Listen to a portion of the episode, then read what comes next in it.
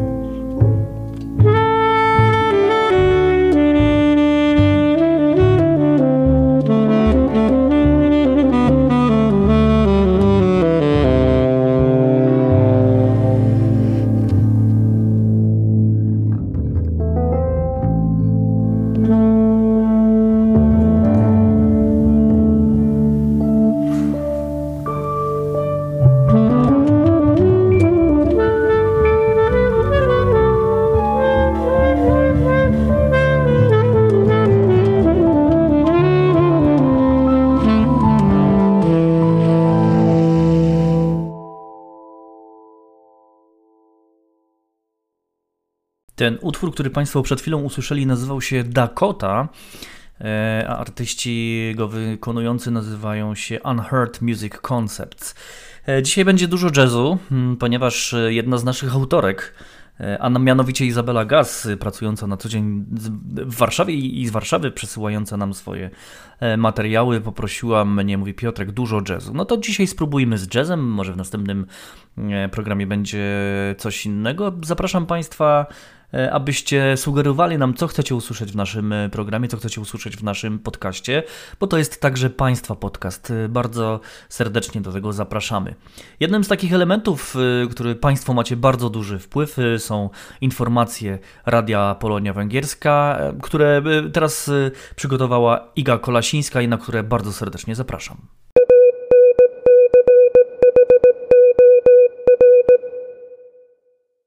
Wiadomości polonijne. Ważna informacja dla osób, które planują powrót do Polski przez Słowację. Wszystkie osoby przekraczające granicę słowacką zobowiązane są do wypełnienia specjalnego formularza, który trzeba przesłać na adres korona.transit.minv.sk najpóźniej dwie doby przed wjazdem na Słowację. Formularz można pobrać ze strony Polskiej Straży Granicznej. 18 maja obchodziliśmy setną rocznicę urodzin Jana Pawła II. Z tej okazji w Bazylice Świętego Stefana w Budapeszcie w kaplicy Madonny miała miejsce uroczysta msza święta sprawowana przez biskupa pomocniczego archidiecezji ostrzychomsko-budapeszteńskiej, a zarazem proboszcza bazyliki księdza Dziurdzia Sznela. Mszę koncelebrował proboszcz polskiej parafii na Węgrzech ksiądz Krzysztof Grzelak. Po mszy świętej biskup Sznel pobłogosławił podarowany przez niego pomnik papieża Polaka. Również w uroczystości setnej rocznicy urodzin Jana Pawła II wpisuje się Szkoła Polska przy ambasadzie, która zaprasza wszystkie dzieci, nie tylko te uczęszczające do szkoły, do wzięcia udziału w konkursie plastycznym Laurka dla Jana Pawła. Pracę można przesyłać do końca maja na adres polishschoolmałpagazeta.pl. Więcej informacji na stronie polonia.hu lub na Facebooku szkoły. 1 marca rozpoczął się Budapesztański Festiwal Chopinowski. Koronawirus nie do końca pokrzyżował plany festiwalowe, bo koncertów fortepianowych można wysłuchać i zobaczyć również w internecie. Kolejny występ odbędzie się 31 maja o godzinie 18. Będzie można obejrzeć go przez stronę internetową www.chopin-budapesz.hu. Koncert fortepianowy E-moll Chopina zagra polski pianista Rafał A. Łuszczewski, towarzyszyć mu będzie Orkiestra Symfonia Brazil pod dyrekcją Nortona Morozowicza.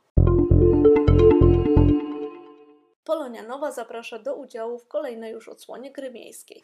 Tym razem uczestnicy przeniosą się do świata bajek. Zgłoszenia małych i dużych można przesyłać do 6 czerwca na adres nowapolonia.gmail.com. Zgłaszane grupy muszą liczyć od 2 do 5 osób. Gra wystartuje 14 czerwca o godzinie 13 i potrwa około 3 godzin. Organizatorzy zapewniają, że zostaną zachowane obowiązujące ograniczenia występujące w związku z koronawirusem. Dziękujemy Idze Kolasińskiej, a teraz z Budapesztu przenosimy się na Górny Śląsk. Tam, jak już wielokrotnie powtarzałem, no, musi czekać na otwarcie wszystkich granic Robert Rajczyk, współpracownik m.in. Polskiego Instytutu Badawczego i Muzeum. E, pan Robert Rajczyk przegląda każdego e, poniedziałku dla Państwa polskie tygodniki, wybiera te najciekawsze e, artykuły, te najciekawsze artykuły, które możecie Państwo przeczytać, czy to elektronicznie, no, papierowo pewnie trochę później. E, otóż e, dzisiaj także kilka bardzo smacznych kąsków Robert dla nas znalazł. E, no więc zapraszam do wysłuchania autorskiego przeglądu polskich tygodników przygotowanego przez Roberta Rajczyka.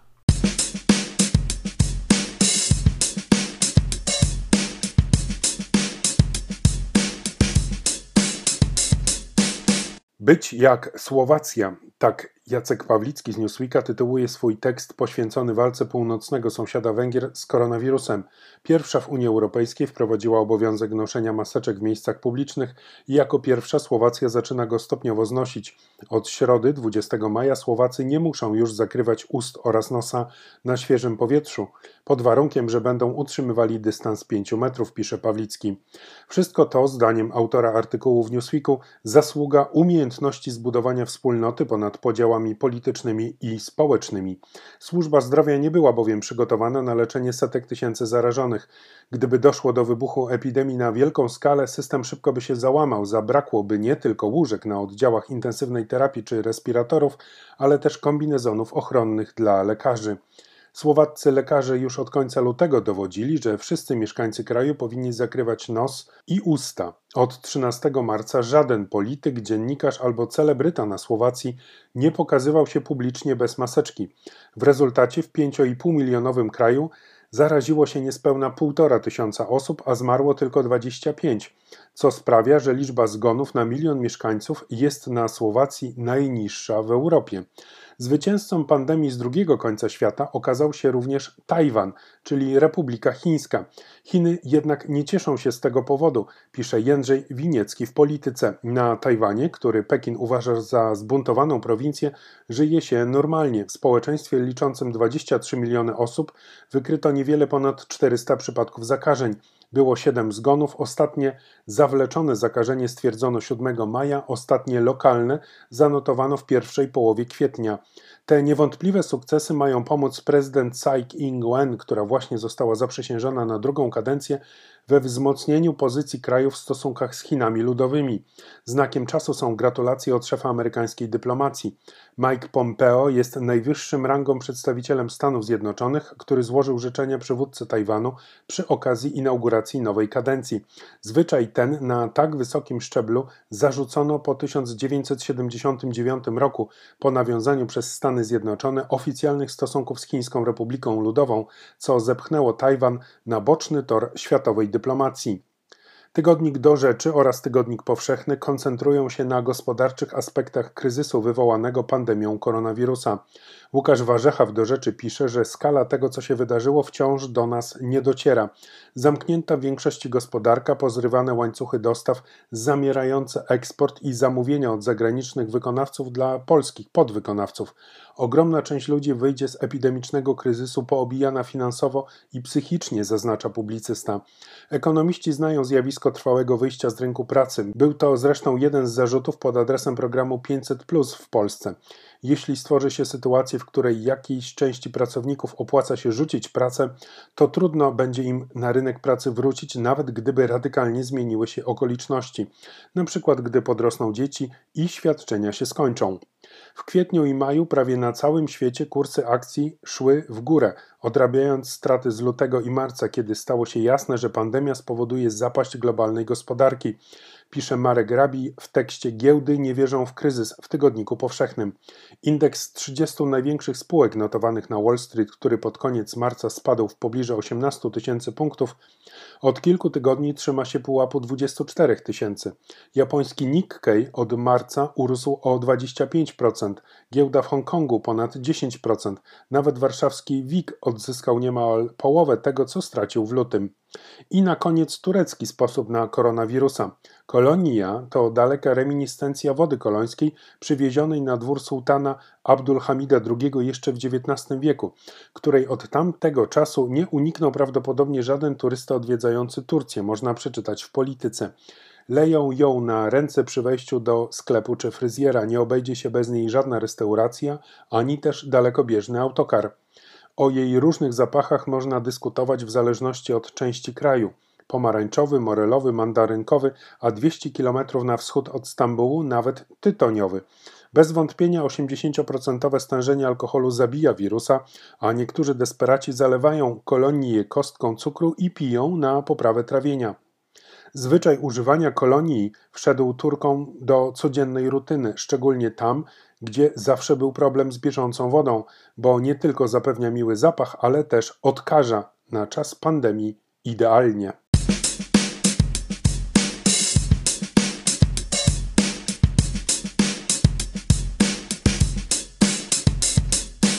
Informacja o Turkach bardzo ciekawa, a przecież Turcy są bardzo mocno związani z Węgrami, krajem, w którym mamy przyjemność żyć. Mm, natomiast jeśli chodzi o Tajwan, proszę się nie dziwić, że Robert Rajczyk y, tutaj y, pokazał Państwu artykuł dotyczący Tajwanu. On o Tajwanie wie naprawdę dużo, zna się na nim jak mało kto, wielokrotnie tam przebywał, y, wielokrotnie naukowo pracował na Tajwanie. E, mam nadzieję, że niedługo wróci do nas do Budapesztu i, i znowu będzie pracował naukowo, e, bezpośrednio naukowo z nami w Polskim Instytucie Badawczym i Muzeum. Robercie, pozdrawiamy Cię, dziękujemy za przegląd prasy, a teraz e, po krótkiej e, przerwie muzycznej ktoś, kto zna się bardzo dobrze na Budapeszcie i na całych Węgrzech, czyli Jerzy Celichowski i jego radiowa wersja jego blogu Jerz Węgierski w Eterze.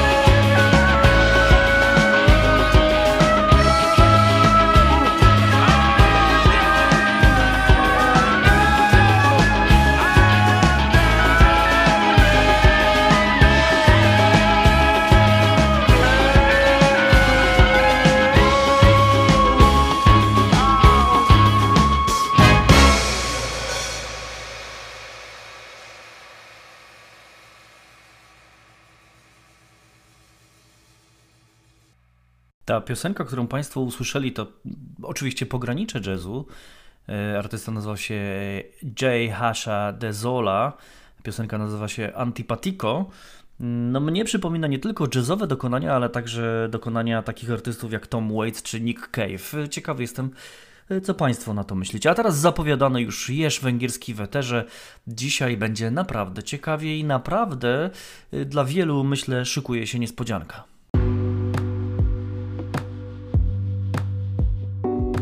Jeż węgierski w eterze. Czyta autor Jerzy Celichowski.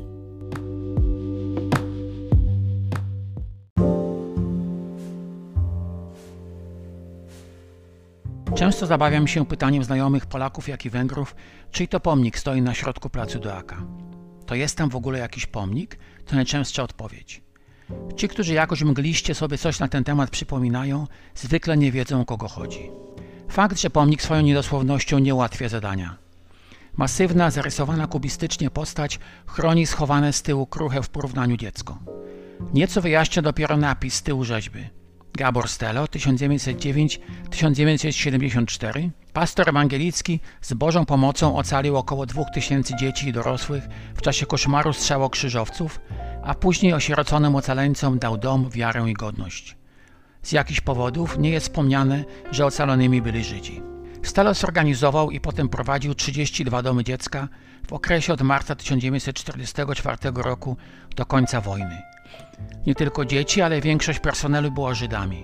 W ich utrzymaniu pomagał mu szwajcarski Czerwony Krzyż.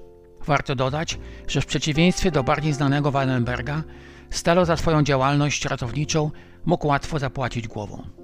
Jednym z ocalonych dzieci był późniejszy zdobywca Nagrody Nobla z chemii George George Ola. Po wojnie dla 800 żydowskich sierot i dzieci oficerów wysiedlonych czy więźniów, w tym i strzałokrzyżowców, zorganizował Gaudiopolis. Ta dziecięca republika miała dziecięcy rząd, ustawy, własną walutę, a nawet czasopismo satyryczne.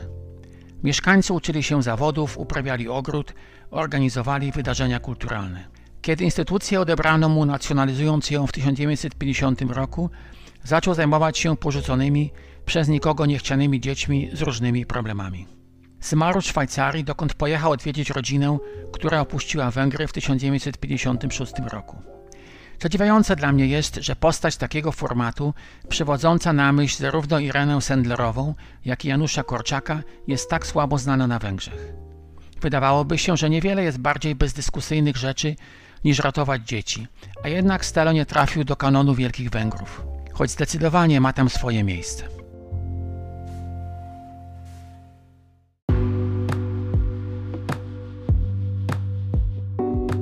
Jerz Węgierski w Eterze.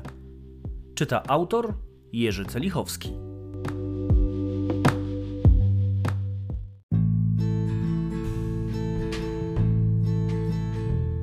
Radio Polonia Węgierska. Prosto z Budapesztu. Słuchając Jurka Celichowskiego, mm, widzę, że warto często pogrzebać yy, wokół siebie, pogrzebać w historii, ponieważ ta historia jest bardzo ciekawa i nie zawsze tak prosta i nie zawsze tak odkryta, jak nam się wydawało.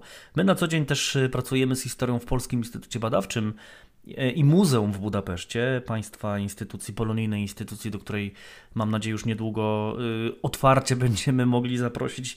Y, Czekamy na to z niecierpliwością. Mamy jeszcze kilka niespodzianek, ale o nich będziemy mówić później. E, Teraz e, przyszedł czas e, na jedną z najdłuższych pozycji w naszym programie, jeśli nie najdłuższą, chyba najdłuższą jednak pozycję w naszym programie, czyli na rozmowę tygodnia Radia Polonia Węgierska. Dzisiaj rozmowa znowu gospodarcza, no ale to, co mamy w kieszeniach i to, co możemy mieć w kieszeniach, chyba nas najbardziej dotyczy. Dzisiaj będziemy rozmawiać o kontaktach między Polską a Węgrami, kontaktach gospodarczych, ale w takim chyba najniższym możliwym wymiarze, czyli małe, małe i średnie firmy, e, bo one chyba generują najwięcej e, miejsc pracy, naj- generują najwięcej pieniędzy i najwięcej kontaktów między naszymi narodami. Gościem e, będzie przedsiębiorca, ale także szef fundacji Łukasz Malczyk. Zapraszam Państwa na tę rozmowę. Mam nadzieję, że będzie ona dla Państwa na tyle ciekawa, e, że będziecie, zostawicie Państwo reakcję e, na, ten, na tę rozmowę i być może będziecie chcieli sami spróbować właśnie tych gospodarczych kontaktów między naszymi krajami. Zatem zapraszam na rozmowę z szefem Fundacji Unia Polskich Przedsiębiorców.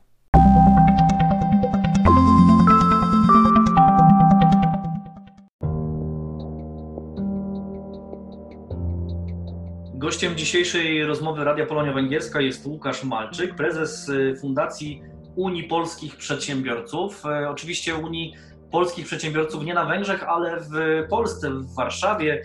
E, Dzień dobry panie Łukaszu, dzień dobry panie prezesie. Witam pana, witam państwa. Panie prezesie, y, jesteśmy Polakami, y, obserwujemy kontakty także gospodarcze. Część z nas, Polonusów, jest aktywnymi uczestnikami tej wymiany gospodarczej między Polską a Węgrami. Y, Proszę mi powiedzieć, y, jak w tej chwili wygląda sytuacja y, polskiej gospodarki?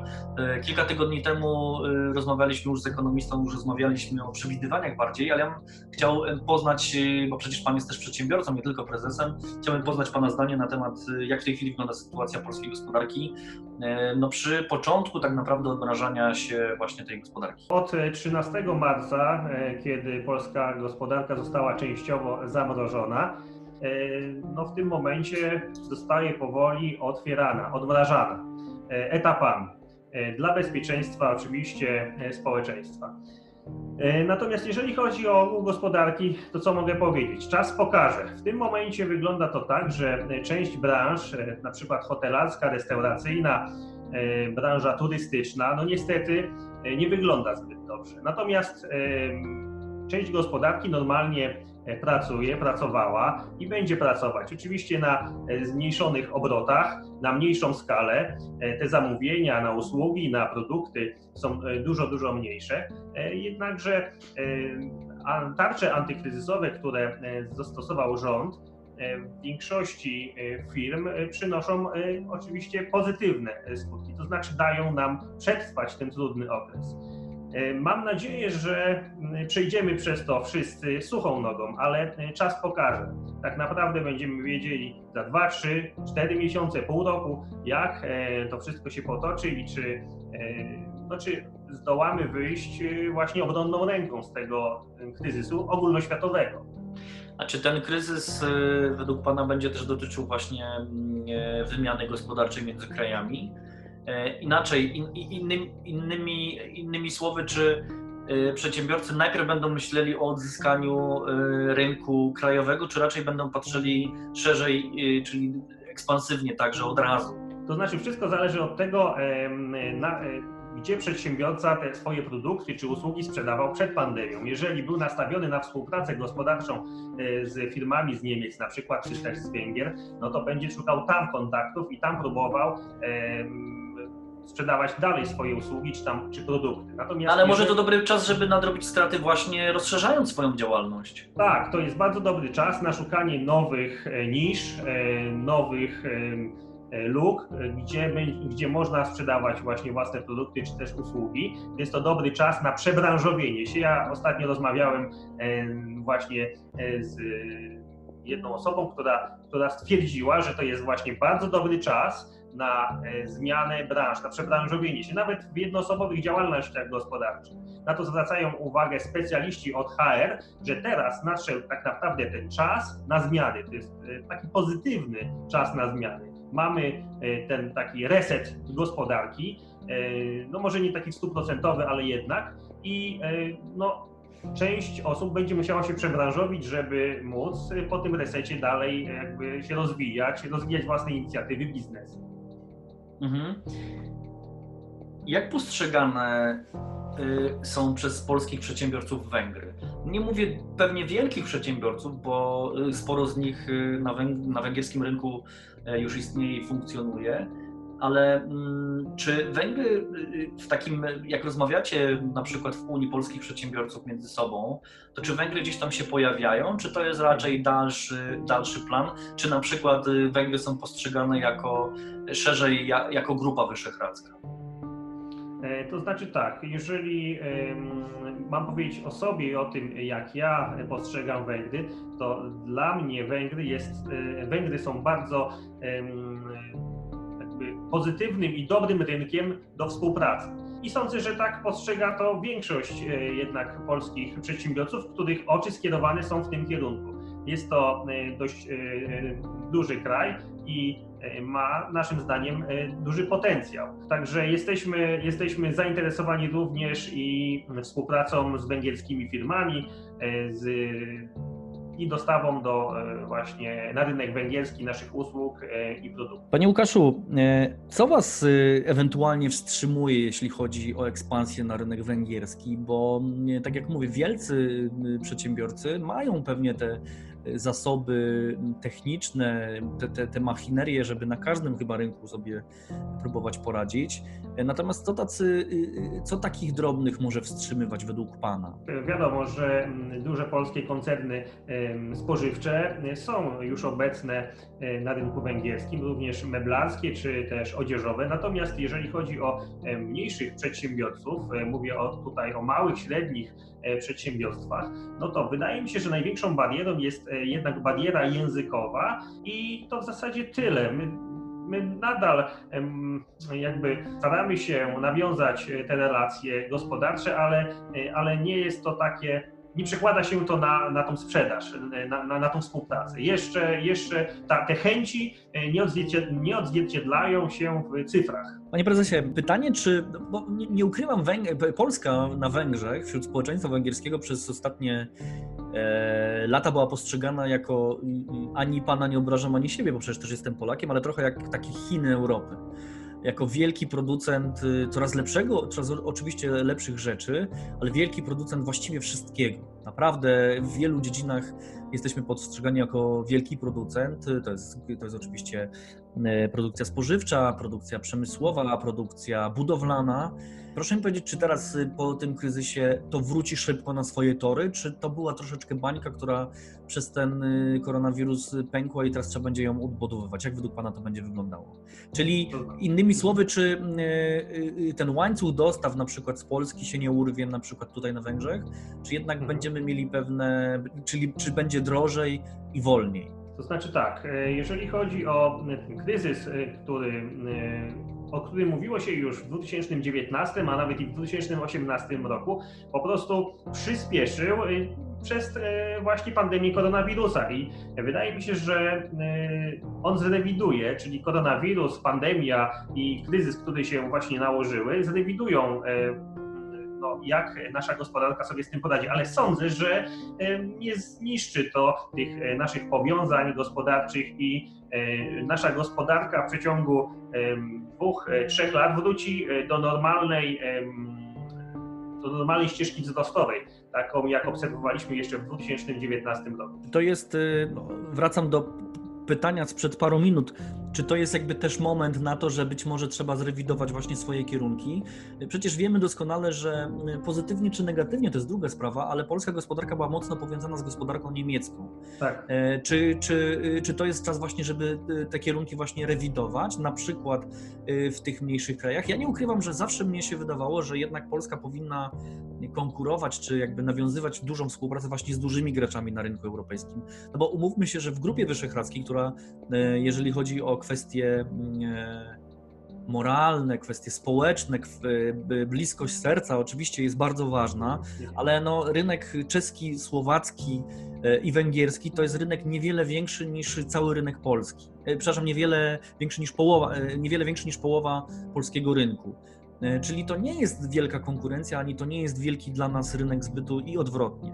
E, ale być może trzeba zacząć e, wśród tych małych. Może to jest właśnie ten moment, żeby inwestować wśród tych małych. Nie tylko Niemcy, Francja, Wielka Brytania, ale właśnie Węgry, na przykład Słowacja i tak dalej, i tak dalej. E, tak, sądzę, że to jest dobry kierunek, z tym, że część właśnie przedsiębiorców musi się o tym przekonać. Ten czas, mam nadzieję, im to uświadomi i zerkną, spojrzą właśnie w tamtym kierunku, czyli w kierunku południowym, Czechy, Słowacja, Węgry, e, no i e, nawiążą jakieś, jakieś e, kooperacje, jakąś współpracę z tamtymi przedsiębiorcami. No zobaczymy, jak to będzie wyglądało. To tutaj robimy sobie pauzę. Mm, chwila muzyki. Panie prezesie, mm, Rozmawiamy z Łukaszem Malczykiem, prezesem Fundacji Unia Polskich Przedsiębiorców, który dzisiaj jest naszym gościem prosto z Warszawy. Za pomocą, za pomocą specjalnej aplikacji możemy się łączyć. Panie prezesie, także chwila przerwy i zapraszam za chwilę do drugiej części naszej rozmowy.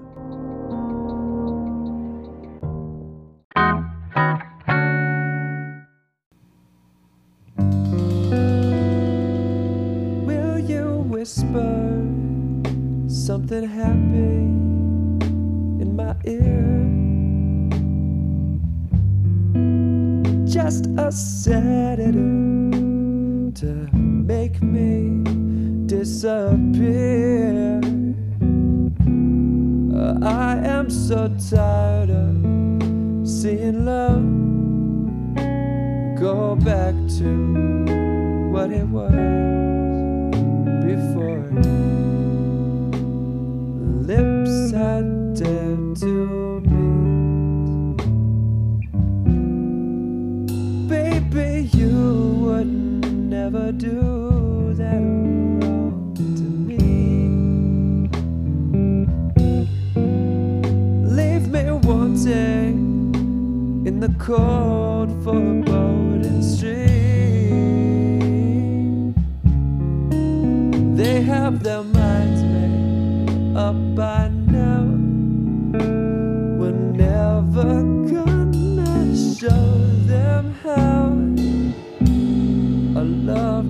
doesn't.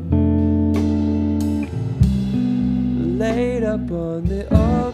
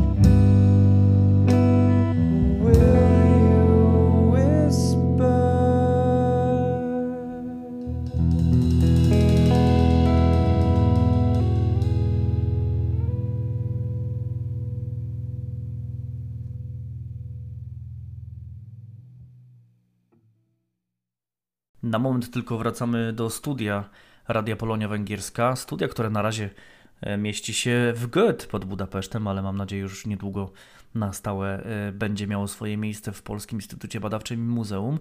Z obowiązku mówię Państwu, bo być może też Państwo będą chcieli posłuchać kiedyś tego artysty. Artysta, który śpiewał e, tę pieśń przed momentem, nazywa się Pierce Murphy.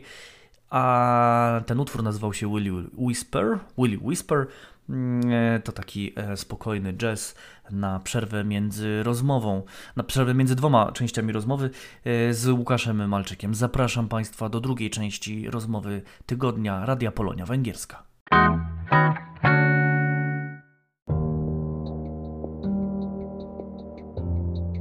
Wracamy do rozmowy z Łukaszem Malczykiem, prezesem Fundacji Unii Polskich Przedsiębiorców. Dzień dobry jeszcze raz, panie prezesie. Dzień dobry, witam pana, witam państwa po przerwie. Wracamy do rozmowy o gospodarce, y, o, gospodarce Polski, o gospodarce Węgier, o tych kontaktach, które y, y, nie, nie tylko które są, ale które mogą być. No właśnie, pan jest przedsiębiorcą polskim, e, więc prowokacyjnie, prowokacyjnie zapytam, panie prezesie, a czy jest miejsce dla węgierskich przedsiębiorców na polskim rynku, czy raczej wolelibyście, żebyśmy, mówimy jako, jako, jako rezydent Węgier, żebyśmy raczej, raczej nie atakowali polskiego rynku? Nie, no oczywiście. E, Rynek jest e, rynkiem wolnym i wszyscy mogą e, w nim uczestniczyć. Ja już od dłuższego czasu obserwuję produkty węgierskie właśnie w Polsce. Między innymi różnego rodzaju kiszone warzywa, ale również i pasty. Jest tego naprawdę dość sporo.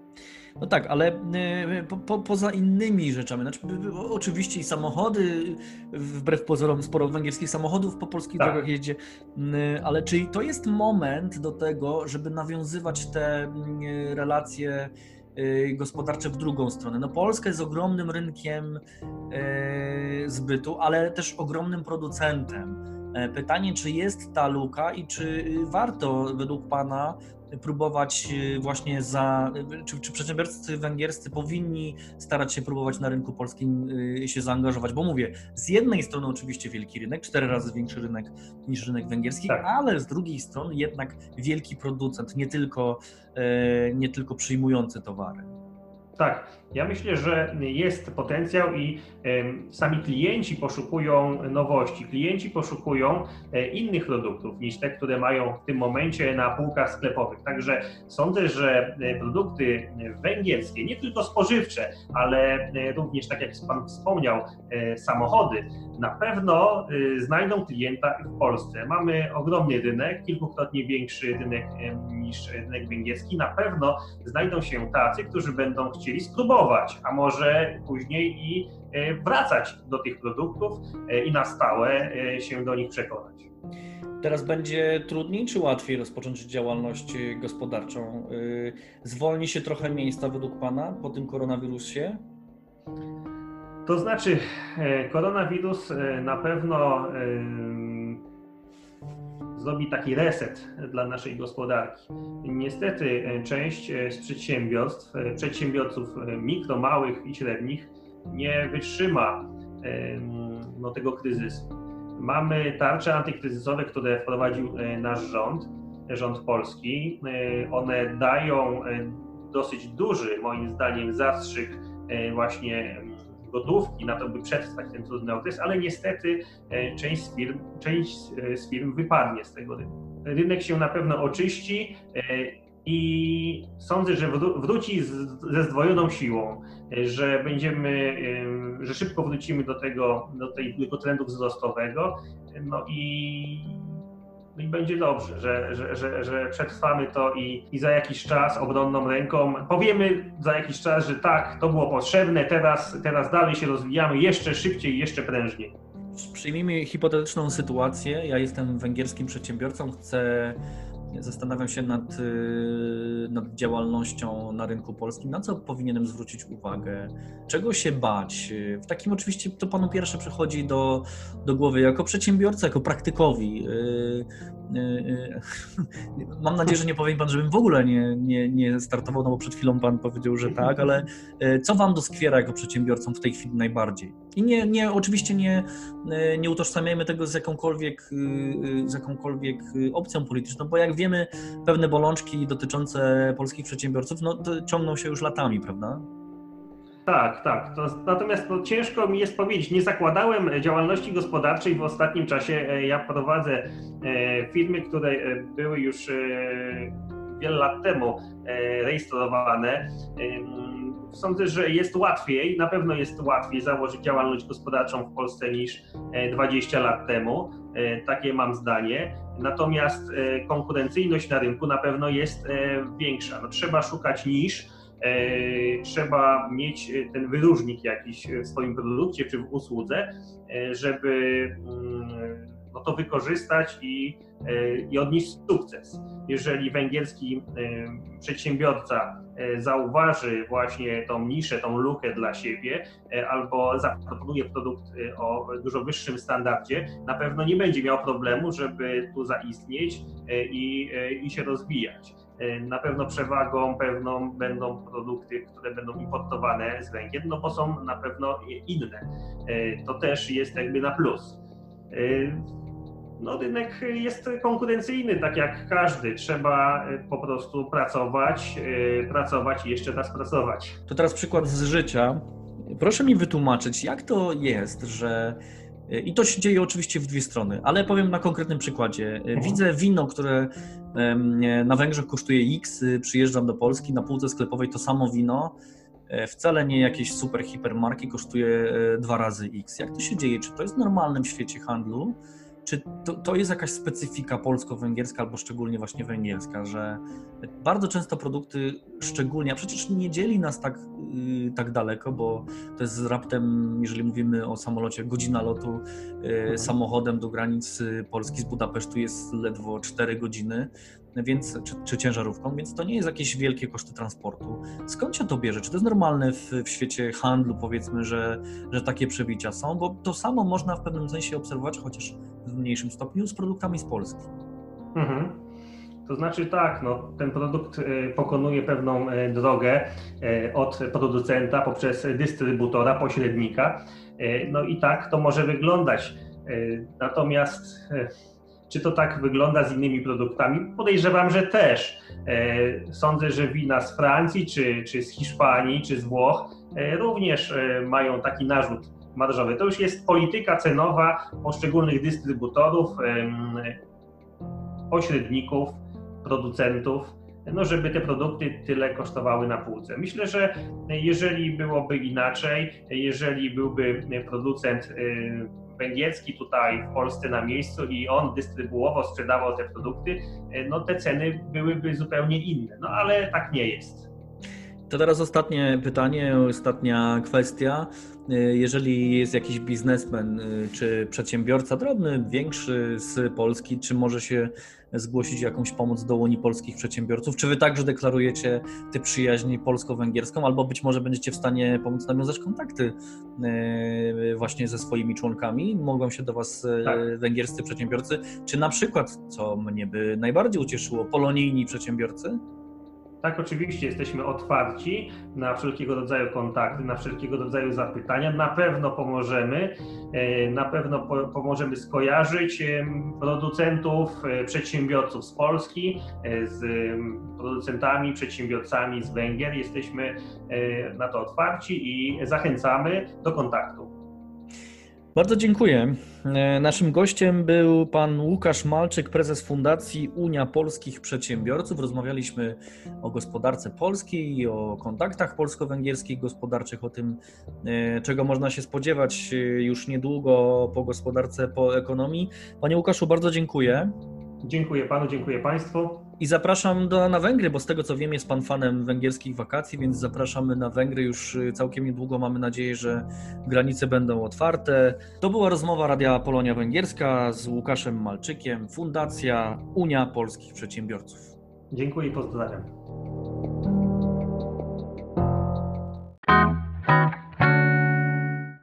No to teraz troszkę poczytajmy. E, Będzie polsko-węgierska mozaika, książki na głos. E, Dzisiaj bardzo ciekawy temat, e, bardzo niezwykły. Niewiele osób zna tę historię. Będzie o Morskim Oku, jeżeli chcecie Państwo się wybrać w polskie dzisiaj Tatry, to posłuchajcie jak to bywało drzewiej. A więc książki na głos i polsko-węgierska mozaika.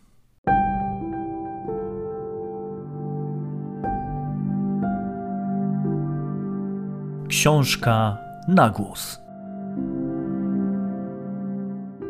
Kolejny fragment książki Polsko-Węgierska Mozaika, wydanej w 2018 roku przez Polski Instytut Badawczy i Muzeum, przeczyta Robert Rajczyk. Dziś rozdział pod tytułem Polsko-Węgierski spór o morskie oko autorstwa Izabeli Gaz.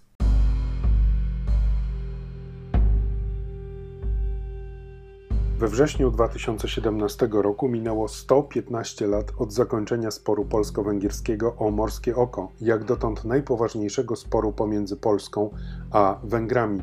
Na przestrzeni wieków zdarzały się jedynie drobne niepokoje sąsiedzkie za czasów Zygmunta Luksemburskiego czy Macieja Korwina. Najazd na Polskę księcia Siedmiogrodu Jerzego Rakoczego II w XVII wieku jest traktowany jako prywatny wyskok awanturniczego władcy, tak samo jak akcja Jerzego Toruka de Sondro, węgierskiego radcy dworu wiedeńskiego, który w latach 1769-1770 wytyczał nowe granice między Austrią a Rzeczpospolitą, dokonując wielu mistyfikacji. Te epizody nie utwierdziły się wyraźnie ani w świadomości, ani w tradycji obu naszych narodów. Wręcz przeciwnie, utrwalona została pamięć o wzajemnej przyjaźni, a przynajmniej o obustronnej sympatii. Początki sporu o morskie oko sięgają XVI wieku, kiedy właściciele klucza niedzieckiego, znajdującego się po węgierskiej stronie granicy, zaczęli rościć pretensje do terenów sąsiedniego starostwa nowotarskiego, będącego królewszczyzną polską. Po odebraniu przez starostę komorowskiego siłą tego, co zagrabiono, nastąpiło półtora wieku spokoju. W 1637 roku król Władysław IV nadał Wojciechowi Nowobilskiemu sołtysostwo białczańskie z prawem użytkowania gruntów w Tatrach nad Morskim Okiem. Po 1772 roku cały obszar Tatr jako królewszczyzna wszedł w skład austriackich dóbr kameralnych. W 1811 roku zdecydowano się sprzedać część tych dóbr w ręce prywatne. W 1824 roku nabył je Węgier Emanuel Homolcz. W 1879 od jego spadkobierców zakupił niewielką część ziemi książę pruski Christian Hohenlohe Oringen. W latach 1887-1888 ostatni właściciel wystawił na licytacji dalsze ziemie tzw. dóbr zakopiańskich, w skład których wchodziły tereny nad Morskim Okiem. Pojawiło się niebezpieczeństwo, że całość kupi książę Hohenlohe, który jako zapalony myśliwy utworzył w Dolinie Jaworowej i Białej Wody olbrzymi zwierzyniec, do którego chętnie włączy część Doliny Rybiego Potoku wraz z Morskim Okiem. Najprostszym rozwiązaniem był zakup dóbr zakopiańskich przez Polaków, przykład przez Towarzystwo Tatrzańskie istniejące od 1873 roku. Niestety było to nierealne, gdyż towarzystwo nie posiadało tak znacznych funduszy. Stąd też wystąpiło z propozycją zbiórki pieniędzy od rodaków, co nie przyniosło spodziewanych rezultatów. Wobec tego towarzystwo zajęło się wyszukaniem majętnego Polaka, który za własne pieniądze kupiłby wystawione na licytację dobra. Takim Polakiem był hrabia Władysław Zamojski, który 9 maja 1889 roku za cenę 460 tysięcy złotych i 3 centów stał się właścicielem dóbr zakopiańskich. Kupując dobra zakopiańskie, Zamojski wiedział, że wschodnia część Morskiego Oka i Czarnego Stawu oraz teren znajdujący się między nimi a granica Żabiego Porysy jest terenem spornym z Węgrami. Obszar ten wynosił 900 murg austriackich, czyli około 517 hektarów. Z tego do hrabiego należało 5 parcel nad Morskim Okiem, reszta, czyli 1 szósta pastwisk, lasów i skał wokół jeziora, do Towarzystwa Tatrzańskiego i Górali, głównie nowobilskich.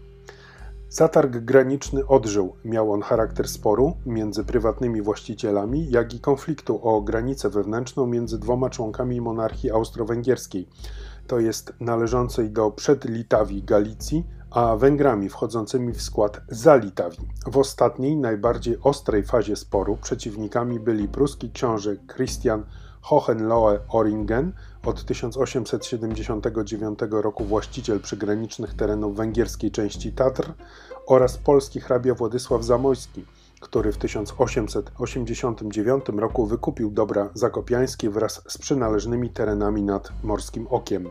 Już latem 1890 roku zaczęły się zaczepki nadgraniczne wszczęte przez administrację księcia.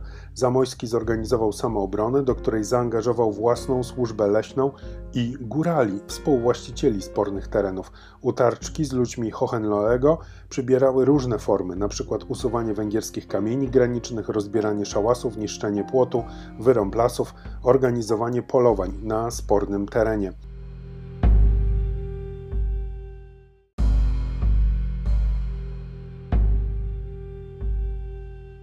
1890 roku hrabia wytoczył Hohenloemu proces o naruszenie dóbr w sądzie w Nowym Targu. Sąd po otrzymaniu opinii od namiestnictwa w Lwowie, że granicy wewnętrznej jeszcze nie wytyczono, zawiesił postępowanie. Wątpliwości takich nie miał sąd w Budapeszcie, który wydał wyrok na korzyść Hohenloego. Dopiero Najwyższy Sąd Węgierski unieważnił ten wyrok i polecił wstrzymać postępowanie, dopóki granica nie zostanie ustanowiona. Ale i on ugiął się pod naciskiem strony rządowej i zatwierdził wyrok sądu niższej instancji. Konsekwencją tego było ponowne wprowadzenie Hohenloego nad Morskie Oko, tym razem w majestacie prawa w asyście 10 żandarmów. Wkopano wtedy również węgierskie kamienie graniczne. Tak więc władze węgierskie stanęły od razu po stronie Hohenloego, udzielając mu wszelkiej pomocy. Stały na stanowisku, że sporne terytorium należy do Węgier. Zgoła inne było stanowisko władz austriackich, nie tylko centralnych, ale i krajowych. Wobec żądań węgierskich wykazywały brak stanowczości i dziwną ustępliwość. Owszem, interweniowały, ale rzadko i niejako z zabiórka. W drugiej połowie 1892 roku i na początku 1893 Towarzystwo Tatrzańskie zainicjowało zbieranie podpisów pod adresem do Koła Polskiego w parlamencie wiedeńskim. Zebrano ich 34 tysiące. Pod adresem podpisywali się Polacy ze wszystkich zaborów. W dokumencie tym domagano się podjęcia energicznych kroków dla sprawiedliwego i skutecznego zakończenia sporu o morskie oko. Bezpośrednim następstwem petycji było dość mętne wystąpienie ministra do spraw Galicji, który obiecał zadośćuczynienie. W tym samym czasie wypowiedział się i Budapeszt. Tamtejszy minister spraw wewnętrznych stwierdził, że teren ten należy do państwa węgierskiego. Stanowisko węgierskie spowodowało, że Polacy 23 maja 1893 roku wysłali do cesarza deputację, której wynik można uznać za pozytywny, ponieważ cesarz zdecydował, aby spór został rozstrzygnięty przez sąd rozjemczy. Miało minąć jeszcze 9 lat, zanim ten sąd się w ogóle zebrał. Stało się to 21 sierpnia 1902 roku, kiedy to rozpoczął się proces w Gracu. Wyrok zapadł 13 września. Arbitrem ze strony Austrii został prezes Sądu Apelacyjnego w Lwowie dr Aleksander Mniszek-Tchórznicki, a jego przeciwnikiem prezes Sądu Królewskiego w Bratysławie Koloman Lechocki. Na superarbitra wyznaczono prezesa szwajcarskiego sądu związkowego w Lozannie doktora Jana Winklera. Obrońcą interesów Galicji był profesor Oswald Balcer. Interesy Węgier reprezentować miał Juliusz Botes. 1 września członkowie sądu wyjechali do Zakopanego na wizję lokalną. Rzeczoznawcą był znowu Szwajcar Fridolin Becker, profesor Politechniki w Zurichu. 4 i 5 września członkowie sądu bawili nad Morskim Okiem i tam od razu było wiadomo, że wizja lokalna będzie korzystna dla Galicji. Ale wbrew oczekiwaniom Polaków zgromadzonych w Gracu, ogłoszenie wyroku przeciągało się, obrady były tajne, nie było żadnych przecieków. Wreszcie 13 września 1902 roku ogłoszono wyrok pozytywny dla Polaków. Galicji przyznano cały sporny teren z wyjątkiem małego kawałka lasu. Zwycięstwo odniesione w Gracu wywołało entuzjazm Polaków. Radowano się powszechnie, szczególnie w Zakopanem, gdzie zorganizowano uroczysty pochód i śpiewano pieśń patriotyczną na melodię Mazurka Dąbrowskiego. Jeszcze Polska nie zginęła, wiwat plemię nasze, słuszna sprawa górę wzięła, morskie oko nasze. Wygraliśmy nie tylko dlatego, że prawda była po naszej stronie, ale i dzięki obronie profesora Balcera. Balcer był wybitnym historykiem prawa i ustroju, profesorem Uniwersytetu Lwowskiego, a zarazem dyrektorem Archiwum Krajowego Aktów Grodzkich i Ziemskich w Lwowie. Przed procesem przeprowadził szeroką kwerendę źródłową, znacznie poszerzył bazę źródłowo-dowodową, zastosował specyficzną metodę obrony, postanowił przeprowadzić głównie dowód negatywny, to znaczy nastawił się na zbijanie argumentów węgierskich. Z wywodu Balcera wynikało, że Węgry nigdy nie były właścicielem tej ziemi. W uznaniu zasług dla pomyślnego rozstrzygnięcia sporu o Morskie Oko Oswald Balcer na wniosek Wydziału Towarzystwa Tatrzańskiego został wyróżniony w 1894 roku honorowym członkostwem towarzystwa. W odrodzonej Polsce otrzymał Order Orła Białego oraz Złoty Krzyż Zasługi.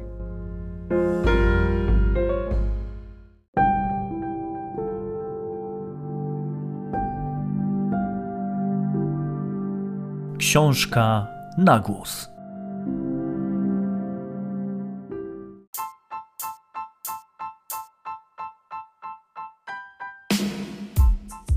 Radio Polonia Węgierska.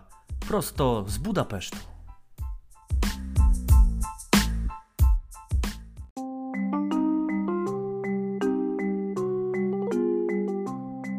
Matki Boskie Węgierskie autorstwa Izabeli Gaz.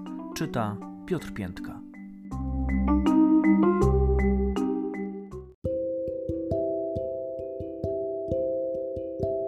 W małopolskiej wsi Staszkówka w powiecie gorlickim stoi murowany kościół w stylu neogotyckim, wybudowany w miejsce modrzewiowego kościółka, który spłonął 20 marca 1915 roku w czasie Bitwy Gorlickiej. Wraz z kościołem spłonął XV-wieczny, słynący łaskami obraz Matki Boskiej. Według tradycji obraz ten przybył z Węgier. Karawana kupiecka jechała w stronę Bieczu, kiedy nagle wozy stanęły we wsi Staszkówka. Żadne wysiłki kupców nie zmusiły wołów do ponownego ruszenia. Kupcy musieli rozładować wozy. Kiedy zdjęli z wozu obraz Matki Boskiej, wieziony do Krakowa na zamówienie, woły ruszyły. Kiedy obraz położyli na wóz, woły znów stanęły. Kupcy zrozumieli, że obraz wybrał sobie to miejsce i pragnie tu pozostać.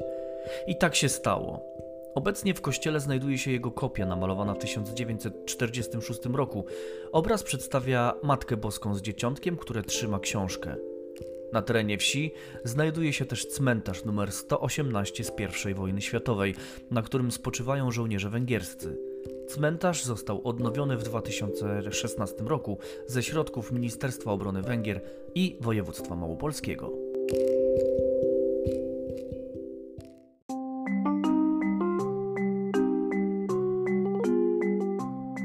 Matki Boskie Węgierskie autorstwa Izabeli Gaz.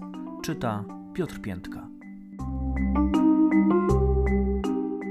Każdego tygodnia, kiedy zbijamy ten materiał, kiedy łączymy te wszystkie kawałki ze sobą, ja mam wielki strach, czy starczy nam materiału na godzinę programu. I za każdym razem jest tak, że nawet się nie obejrzymy, a już ta godzina mija i już jesteśmy dawno po niej.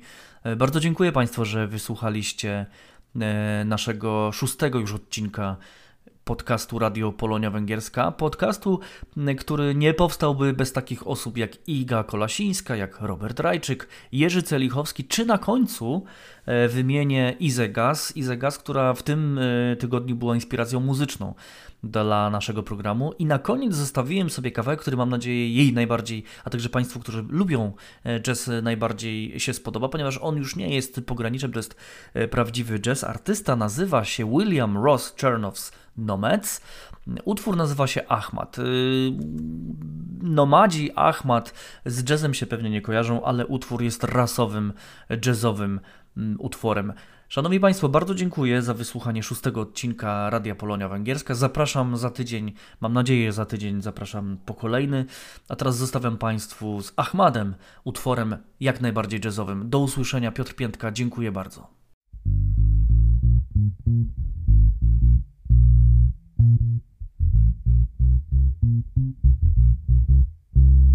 Thank you.